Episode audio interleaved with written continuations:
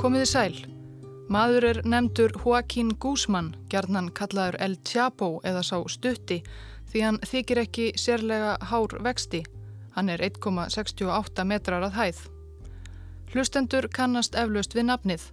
Hann komst í fréttir á dögunum ekki í fyrsta sinn þegar meksikóska lögreglan handtók hann á heimahögum sínum í Sínalóa fylki Meksikós en þessi maður, sá stutti, hefur um árabil verið helsti leðtogi eiturlefja Smíklrings sem kentur er við sína lóa og eru einn stórtækustu skipulöðu glæpasamtök í Mexiko og líklega heiminum öllum.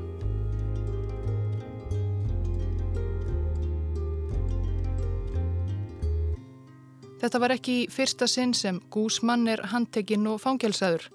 Nei, meksikoskum yfirvöldum helst ítla á þessum harðsvíraða glæpafóringja Þetta er í þriðja sinn sem hann er gómaður. Hann var fyrst handekinn í Guatemala árið 1993 og framseldur til Mexiko þar sem hann hlaut 20 ára fangelsistóm fyrir eiturlifja smikl og fleiri glæpi. En bara 8 árum síðar slapp hann um borði í þvottakörfu eftir að hafa mútað nær öllum starfsmönnum fangelsisins til að aðstóða hann við flóttan þar á meðal æðstu leðtogum. Gúsmann tókst að fara huldu höfði næstu 13 árin þrátt fyrir að vera ákaft leitað af yfirvöldum bæði í Mexiko og Bandaríkunum. Eftir dauða ósamabinn Latens var það líklega Gúsmann sem stóð eftir með þann vafasama heiður að vera mest eftirlýsti maður heims. Hann varðað góðsagnakendri personu á heimahögum sínum í Sínalóa, næstum eins konar hróa hetti, þegar El Chapo kom inn á veitingastað sem hann treysti sér greinilega alveg til að gera þó hann væri hundeldur af yfirvöldum í tveimur löndum, þá borgaði hann alltaf reikning allra gesta sem þar sátu að snæðingi og svo framvegis.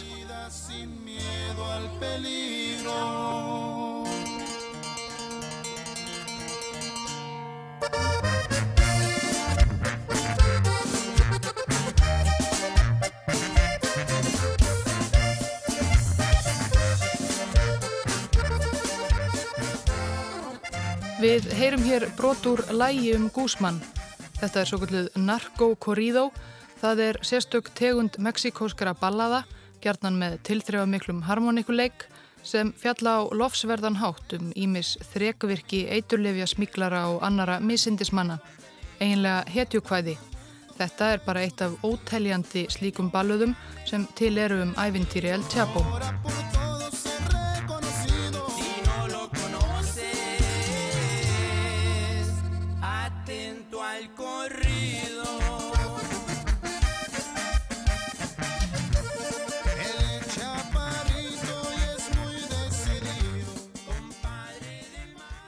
Loks í hitti fyrra höfðu meksikósk yfirvöld hendur í Hári El Chapo en ekki lengi hann slapp aftur síðasta sumar, all vandræðilegt fyrir yfirvöld.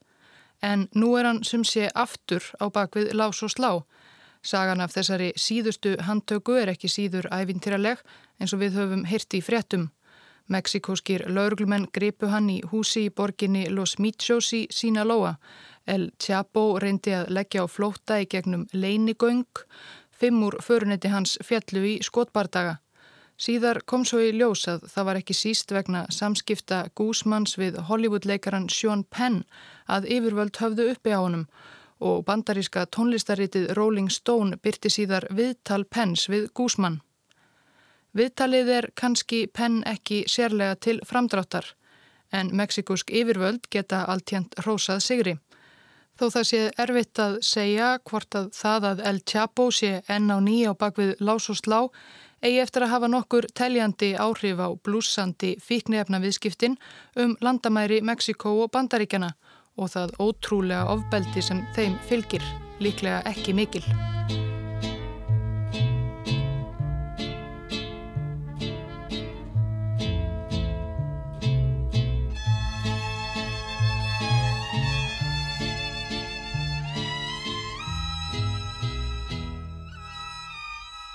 Það hefur varla annað komist að í fréttum frá Mexiko undanfarin áratug eða svo en eiturlefja smikl ringir og allt það sem þeim fylgir. af ótrúlegu veldi glæpakonga eins og El Chapo, af harðvítugum erjum milli gengja um yfiráði vir svæðum og mörkuðum sem óbreyttir Mexikobúar hafa þurft að líða fyrir, af óþrótandi blóðsúthellingum og ólýsanlegri grymt.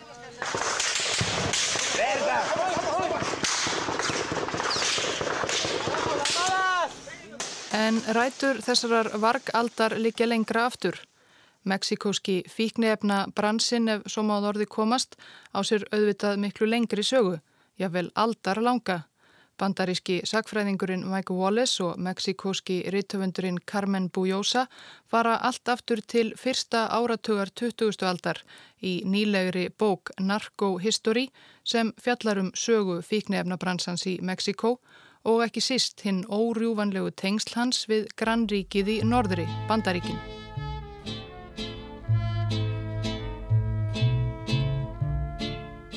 Það var um þær mundir við upp af 20. aldar sem byrjað var að huga því í bandaríkunum að banna ímis efni og liv, efni sem áður hafðu ekki aðeins verið fullkomlega leifileg til sölu og neyslu, heldur sum hver á hverra manna vörum eins og ópjum og kokain sem finna mátti í allskins meðölum og mikstúrum á þessum tíma.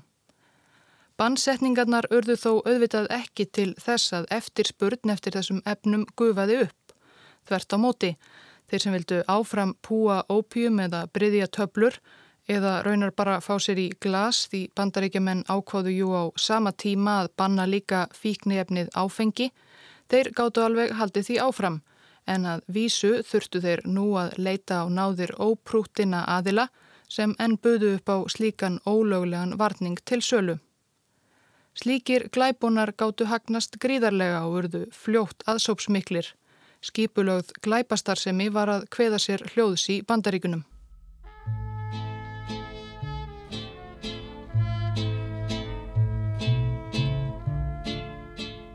Þetta ákveðna gullæði vakti að sjálfsögðu aðtegli handan árinar miklu Ríó Grande í Mexiko. Þar síðra var einmitt rétta loftslægi til að rækta valmúa úr hverjum ópjum og heroín eru unnin, ekki síst í hinnum svo kallaða gullna þrýhyrningi í vestanverðum Sierra Madre fjöllum, þar sem fylkin Sinaloa, Durango og Chihuahua koma saman. Á þeim slóðum bjóð þá talsvert af kynverskum innflytjandum og frá heimahögum sínum kunnu þeir listina að rækta valmúa og búa til úr honum ópjum. Kínverjarnir smikluðu svo afurðum sínum til bandaríkjana þar sem þeir gáttu fengið háverð fyrir. Von bráðar voru innfættir Mexikóar sem horðu upp á kínverjana makakrókin farnir að leika þetta eftir.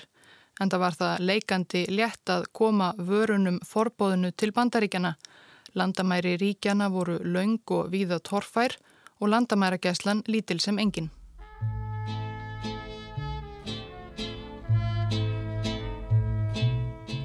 Í dag er gerðnan talað um að eiturlifja stríð geysi í Mexiko milli glæpagengjana sem berjast innbyrðis og stjórnvalda sem hafa beitt hernum í baráttu sinni og því alls ekki svo vittlust að tala einmitt um stríð og svo í bandaríkunum eiga þarlend stjórnvöld í öðru stríði, stríðinu gegn eiturlifjum, rétt eins og þau eiga í stríði gegn hriðjuverkum, hvernig sem það nú gengur.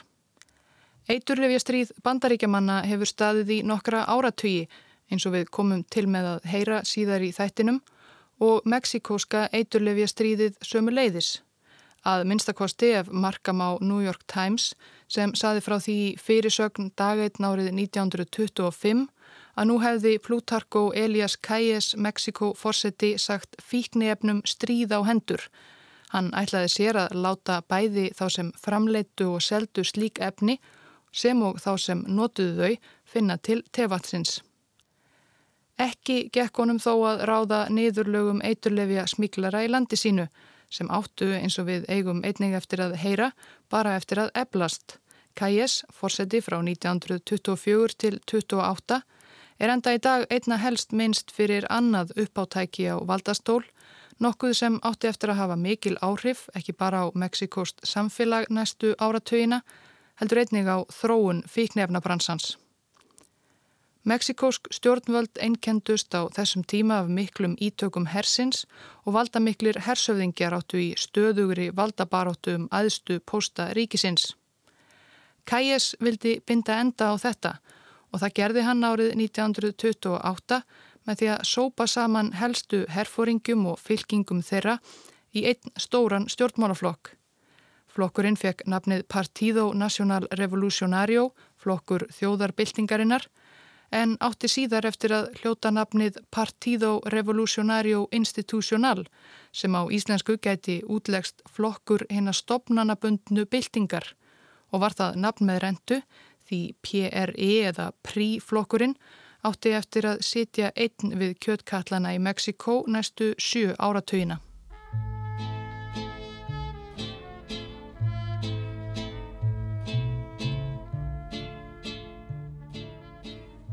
Forsvarsmenn príflokksins sameinuðu undir merkjum hans svo að segja öllum helstu geirum Mexikósks samfélags, hernum, atvinnureikendum, bóndum og verkalýðsfélögum. Flokkurinn taldi fljótt miljónir liðsmanna og sölsaði jáframt undir sig öll völd í Mexikó, framkvæmda lögjafar og dómsvaldi. Í slíku kerfi grassiraði auðvitað spilling. Störfum og verkefnum var útlutað innan flokksins Deilumál voru leist innan flokksins. Forseti Mexiko, sem valin var af öðrum framámönnum flokksins, var í raun alvaldur. Og ef að valdi príflokksins var augrað á einhvern hátt, þá var ekki hikað við að grípa til ógnana, ábeldis og kostningasvindls. Hið fullkomna einræði eins og perúska nobelskáldið Mario Vargas Llosa lísti stjórnkerfinu í Mexiko undir stjórn príflokksins mörgum áratugum síðar. En þó að markmiðið væri að draga úr ítökum hersins, hengu lengi enn eftir gamlir hersöfðingjar sem enn höfðu talsverð völd, sérstaklega þeir sem höfðu komist í opimberar stöður í sveita héruðum fjari valda stöðfunum í Mexikoborg. Þessir höfðingjar fengu áfram svigrum til að drotna yfir ríkidæmi sínu eins og þeim hentaði, svo lengi sem þeir fyldu helstu bóðum yfirstjórnar prí og tryggðu atkvæði til flokksins og oftar en ekki fólst í þessu sveigrúmi að héraðshöfðingjarnir fengu óáreittir að sinna ímsum aukabúgreinum, mislöglegum, svo sem smikli á eiturlefjum til bandaríkjana. Nokkuð sem varð alvanalegt að héraðs yfirvöld sér í lagi í norður Mexiko væri með puttana í um leiðuðu þóttust halda uppi lögum og reglu. Þannig tengdust eiturlefjarækt viðskipti og smiklu héraðs yfirvöldin böndum Böndum sem, þó þau hafi kannski tekið sér aðrar og nýjar myndir, hafa haldist að mestu órjúvanleg til dagsins í dag.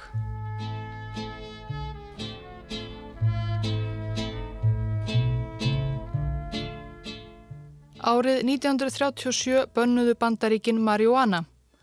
Forsvarsmönnum Federal Bureau of Narcotics sem var svo ofinbera stopnun sem hafði umsjón með baráttunni við ólöguleg fíknefni hafði þá með einbeitri áróðursherferð tekist að sannfæra aðstu yfirvöld bandaríkjana og stærstan hluta almenningssömuleiðis um að marihuana væri stórhættulegt eitur sem breyti hverjum sem þess neytti umsvifalaust í spólandi galinn ofbeldismann.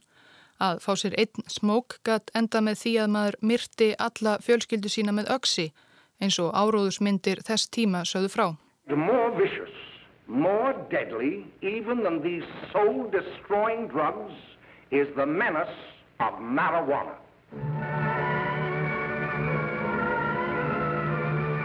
Sixteen years old and a marijuana addict. Under the influence of the drug, he killed his entire family with an axe. Þetta varð aftur til að lífga efnahag Mexiko. Því marihuana var önnur planta sem auðvelt var að rækta í hlýju loftslægi landsins. Í hrönnum tóku meksikóskir bændur til við að rækta marihuana, smíkluðu norður með sömu leiðum og gert var með ópjum og heroin og högnuðust vel. Þessu kunnu bandaríkjaman ítla og það var um þessar mundir sem bandaríkjaman byrjuðu fyrst að skipta sér af löggæslu og lagasetningu vegna fíknefna í grannríki sínu og hvetja Mexiko til að taka þessi mál föstum tökum. Þó ekki með miklum árangri en það höfðu stjórnvöldi í Mexiko yfirleitt meiri áhuga á því að fá sinn skerf út úr blómstrandi eiturlefja viðskiptunum en að uppræta þau.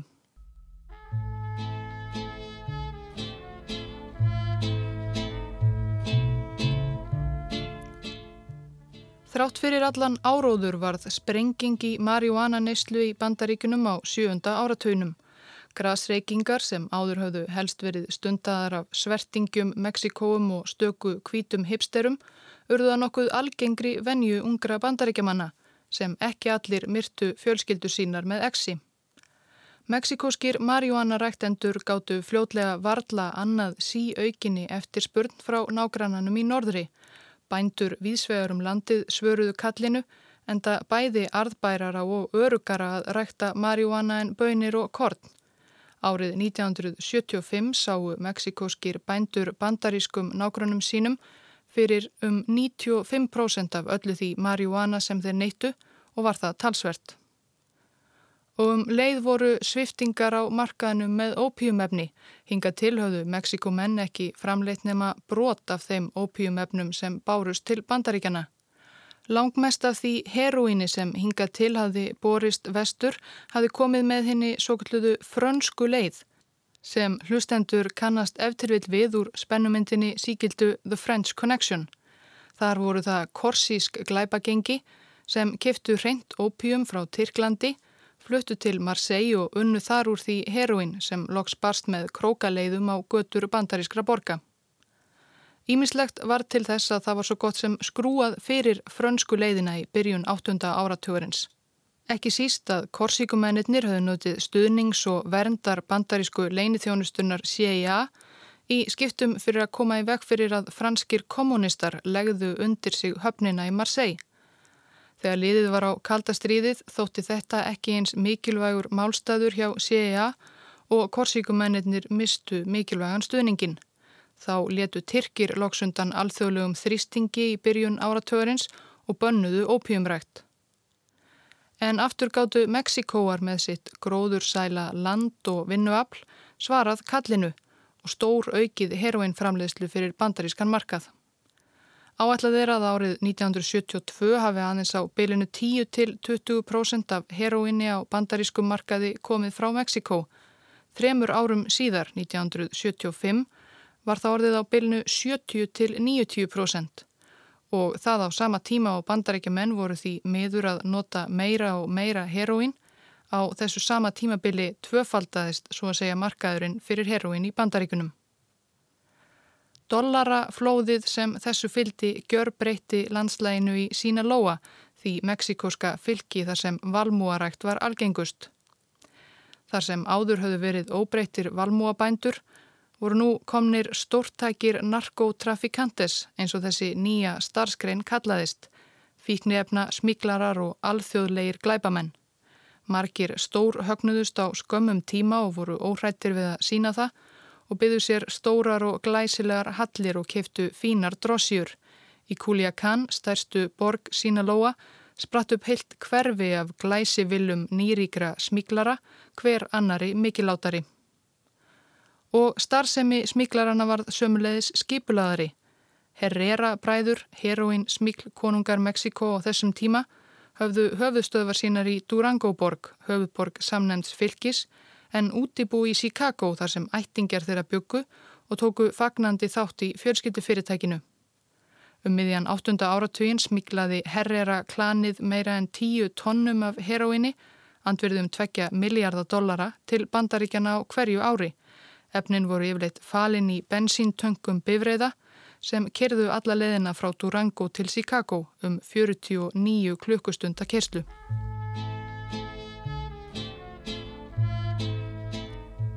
Aukin fíknefna neysla og flæði fíknefna yfir siðri landamæri bandaríkjana fór ekki fram hjá valdamönnum í Washington. Public enemy number one in the United States is drug abuse. In order to fight and defeat this enemy, it is necessary to wage a new all-out offensive. Það var þann 17. júni 1971 sem Richard Nixon, þáverandi bandaríkjaforseti, lísti formlega yfir stríði á hendur óveini alþýðunar nr. 1, eiturlifjum. Sumarið 2011 heldur margir bandarískir fjölmiðlar því upp á þessi tímamót að stríðið gegn eiturlifjum hafi þá geisað í 40 ár. Langvinn styrjöld en ekki sérlega árangursrík var þá mat flestra. Nixon let ebla landamæragæslu og þrýsti hart á meksikósk yfirvöld að bregðast sömulegis við sínmegin og upparæta fíknefna framleiðslu. Eftir endurkjör sitt sem fórseti 1973 fyrirskipaði Nixon svo nýja ríkistofnun til að berjast gegn eiturlifjum og taka við af eldri batteríum í þeirri baráttu. Stofnuninn fekk nafnið Drug Enforcement Agency eða DEA og tilgangur hennar samkvæmt stopnskrá að herja allsherjar stríð gegn eiturlifi og ógninni. Nixon röklaðist úr ennbætti bara rúmu ári síðar en sköpunarverk hans DEA livði og lifir enn og hefur dapnað ágætlega samkvæmt öllum helstu mælikvörðum. Þegar stopnunin var stopnuð voru starfsmenn 1047 talsins og fjárrað þennar á ári tefnilega 75 miljónir dollara. Nú fjórum áratugum síðar er stopnunin rekin fyrir 2,5 miljardar dollara á ári og starfsmenninir 5.235.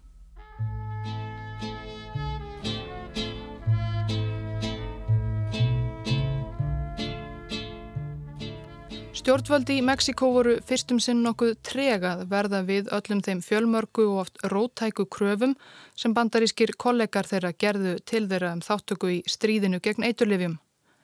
En 1976 varð breyting þar á. Stjórnvöld voru þá farin að hafa all nokkrar áhyggjur af því að eiturlifja bransinn færi sívaksandi en það þakti Valmúa og Marihuana rækt þá um 600.000 ferkilometra land í Mexiko og áhyggjur af því stigvaksandi ofbeldi sem þessu fyldi. Eiturlefja smíklararnir voru farnir að gerast ansi uppivöðslu samir og í Kuliakan voru bissubardagar á götumúti orðið að næstum daglegum viðburði almenningi til ama. Þáverandi fórseti Jose López Portillo að sjálfsögðu úr prífloknum eins og allir aðrir fórsetar á þessum tíma lísti yfir allserjar árás sem fekk í þögn kaltæðnislega nafn Kondor áætlunin rétt eins og allræmt samstarf herfóringjastjórnana í Suður Ameríku um að ofsækja, pinta og myrða pólitíska anstæðinga sína, einnig þá auðvitað með diggum stuðningi bandaríkjana. Markmiðið var að uppræta alveg valmúa og marjónarækt í Mexiko hálfu ári. Flugvilar sem bandaríkin sköffuðu flugu yfir ræktarland og dreifðu yfir sterku baneitruðu skortýraeitri sem engu lífðu. Tíu þúsund hermenn marsiruðu inn í gullna þrýhjörningin sína Lóa, Durango og Chihuahua þar sem þeir gengu bersesgangi hverju þorpinu og fætur öðru, brutu niður hurðir, dróðu út unga menn sem grunnaðir voru um að tengjast fíknefna bransanum, börðu þá, pintuðu og brendu, mörg hundruð sáust aldrei meir og letu svo greipar sópa um hýbili þeirra og nöðguðu unnustum þeirra og sistrum. Engun veginn varð þessi hryllingur ekki til þess að valmú á marjúanarækt lagðist af eins og markmiðið hafi verið. Jú, nokkuð minna heroin barst á götur bandarískra borga næstu misserinn, en eftirspurnin minkaði hins vegar lítið og götuverðið hækkaði því bara. Og með glæpatíðnin í þessum sömu bandarísku borgum því fíkladnir þurftu jú nú að grípa til örþrifar á það til að hafa efni á neyslunni.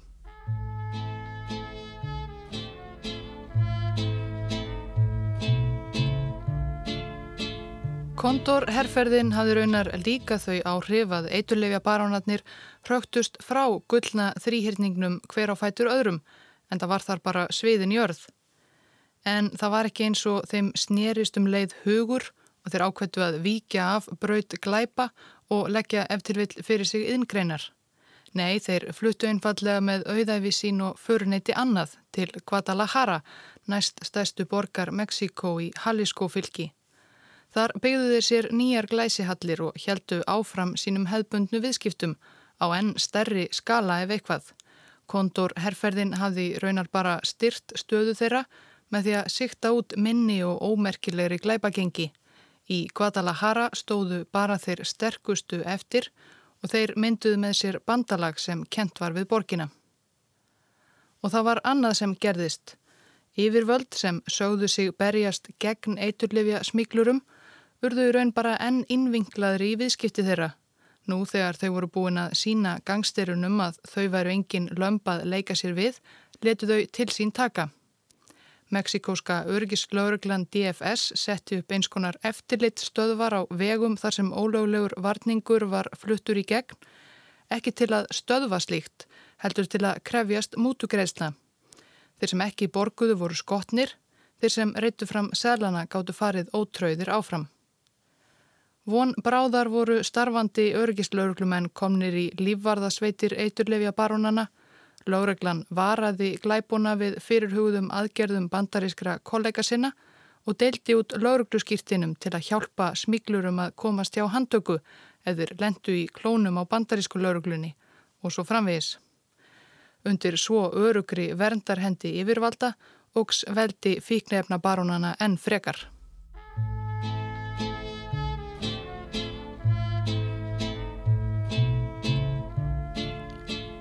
Tveir næstu eftirmenn Richard Nixons þóttu nokkuð linir í afstöðu sinni til stríðsins gegn eiturlifjum en árið 1981 flutti nýr maður í kvítahúsið og hann var reyðubúinn að taka til hendinni. Drugs are menacing our society.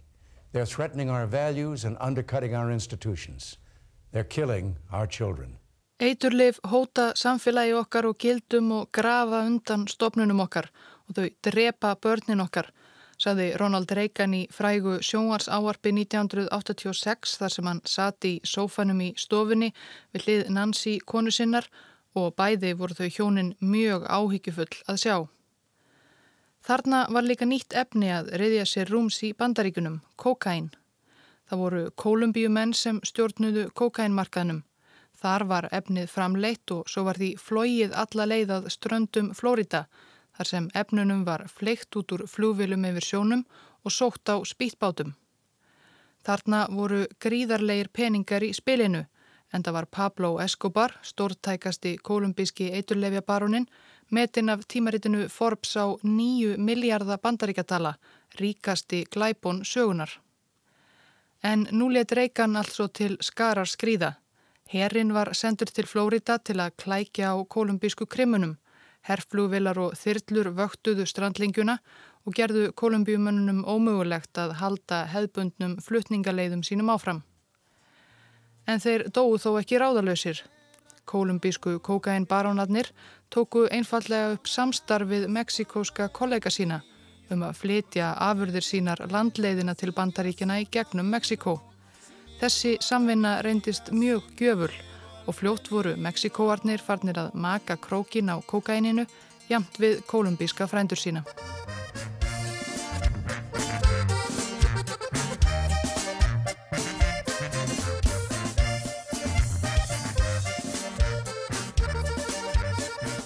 Það var á þessum tíma sem ungur maður að nafni Joaquín Guzmán var að fetta sig upp metorðastegan hjá stóru eiturlifja barónunum í Guadalajara. Este, una, una familia muy humilde, muy pobres. Este, recuerdo que mi mamá hacía pan para el sustento de la familia. Yo lo vendía, vendía naranjas, vendía refrescos. Við heyrum hann hér lýsa fátækt sinni í æsku úr viðtalinu umdelda við Sjón Penn. Foreldrar Gúsmanns voru óbreyttir valmúabændur í Sínalóa en sonurinn hafði stærri drauma en svo. Hann fór í eiturlefja smíklbransan ungur að árum og þar vakti hann fljótt aðtökli fyrir metnað og viðskiptavitt.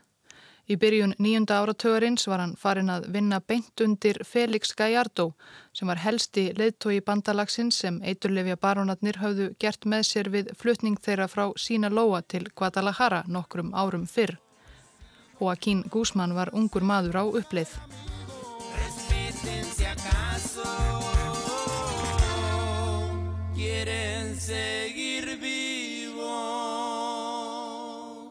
Nýjundi áratugurinn var erfiður í Mexiko fyrir flesta aðra en eiturlefja baruna. Lækkun oljuverðs í byrjun áratugurins leik mexikoskan efnaha grátt og ekki leið á löngu þar til landið var í greipum djúbrar kreppu. Verðbolga rauk upp í hæstu hæðir og atvinnuleysi sumuleiðis. Þegar gjaldþrótt blasti við mexikoska ríkinu greip alþjóða gjalderisjóðurinn inn í 1982 og fyrirskipaði niðurskurð, engavæðingar og fleira kunnulegt en ekki var það til að bæta hag almennings. Það skánaði heldur ekki mikið þegar tíundi áratugurinn gekk í garð. Fríverslunar samningur Ríkja Norður Ameríku, NAFTA, tók gildi 1994. Sá samningur er feikilega umdeltur enn í dag en virðist alltjent ekki hafa orðið meksikoskum bændum til mikil skóðs. Eftir að nafta tók gildi lækkaði kornverðum helming í Mexiko og fjöldi bænda undir fátækramörkum jógstum þriðjung. Á fyrstu sex árum samningsins brugðu tvær miljónir bænda búi og flyktust til fátækra hverfa Mexikoborgar, Tijuana og Ciudad Juárez þar sem þó var hægt að strita laungum stundum í versmiðjum á bandarísku landamærunum fyrir lúsar laun. Það var ekki að undrað margir bændur sem hingað til hafðu haldið sig réttu megin lagana færu nú að rækta marihuana og margir atvinnlausir ungir menn í fátækra hverfunum sæju ekki margt annað í stöðunni en að ganga til liðs við glæpagengi sem lofuðu gulli og grænum skóum. Því á þeim vikstöðum var enn nóg að hafa.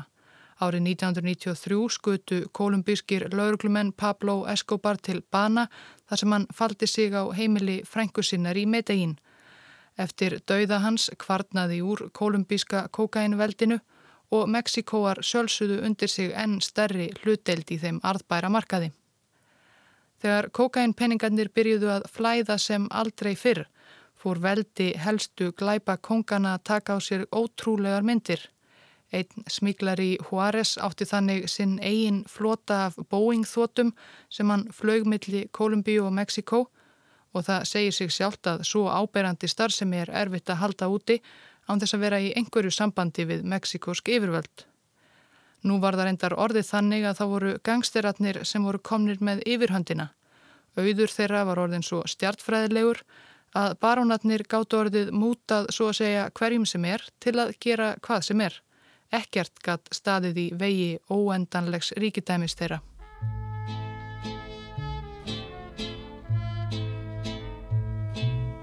Nefna kannski helst þeir sjálfur. Alltaf heldur bandaríkin áfram að þrýsta á Mexiko að taka eiturlifja óværuna föstum tökum og árið 1989 hafðu bandaríkja menn fengið eina sína heitustu ósku uppfylta. Yfirmaður hins metnaðargjarna El Chapo og æðsti leðtogi Guadalajara bandalagsins sem var enn lang stórtækasti eiturlíferhingurinn, Felix Gallardo, var handekinn í fylgsni sínu í Guadalajara. Fljótlega eftir handtökuna komu þeir forsvarsmenn Guadalajara ringsinn sem eftir stóðu saman til fundar í strandborginni Acapulco og skiptu í bróðerni á millisín veldi hins fallna fóringja sem þarna spannaði svo að segja allt Mexiko. Þessir fengu Tijuana og hinnir fengu Sonora og tveir af nánustu undirmönnum fóringjans fengu sína lóafylki þeir Ísmal Sambada og Joaquín Guzman, einnig kallaður sá stutti. Þó svo að þessir fundir í sólríka Acapulco hafi farið svo kurteisislega fram, varði vinsemdin ekki lengi. Það leið ekki á svo lengu þar til fór að kastast í kekki á milli nýju glæpasamtakana sem enduð voru úr Guadalajara-veldinu gamla. Og ekki síst var það El Chapo í Sínalóa sem tráði meira landsvæði, meiri peninga og meiri völd og sveifst einskist til að fá sínu fram. Með árunum hafa ný og ný glæpasamtök sprottið upp og innbyrðis átökum, markaði og áhrif magnast Ofbeldið hefur sömulegðis orðið sífelt meira og yfirdrifnara. Undanfærin árhafa glæpa gengin eins og kefst við að toppa sig í yllvirkjum og ógeði með mannránum og morðum, viðbjóðslegum pyntingum og aftökum og öðru sem umsjónamaður þessa þáttar treystir sér ekki til að hafa eftir. Felipe Calderón settist á fórsetastóla árið 2006 og hafandi heitið því kostningabaráttunni að binda enda á þessa styrlungaöld var eitt af hans fyrstu verkum að setja herin út á götur. Það gerði þó bara ílt verra. Á sex árum Calderóns í embætti er áallat að eiturlefja stríðið hafi dreyið alltaf 120.000 manns til dauða og 20.000 til viðbótar hafa horfið sporlust.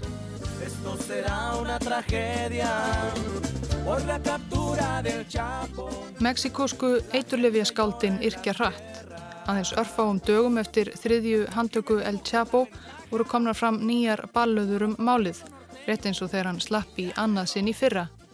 Þær eru nú þegar orðnar fjölmarkar. Hver örlög Gúsmanns verða nú er óljóst. Bandaríkin vilja hann framseldan þangað sem geti orðið flókið og langt ferli því sá stutti á auðvitað öfluga lögmenn. Eða kannski gerir hann sér bara lítið fyrir og sleppur aftur. Si no pues luego se escapa. Eso ya está comprobado. Prenda la tele señora. Vamos a ver lo que dicen los de Televisa.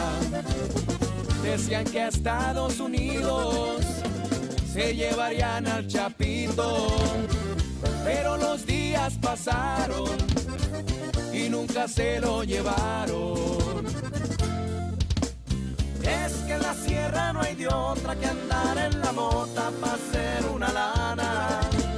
El chapo es el que la compra, pero sobre todo a la gente aliviana. Y si el chapito no está, esto será una tragedia por la captura del chapo la gente llora en la sierra.